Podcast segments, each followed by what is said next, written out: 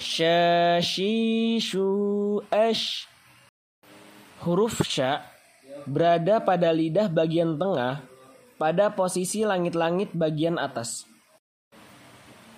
Syashishu ash.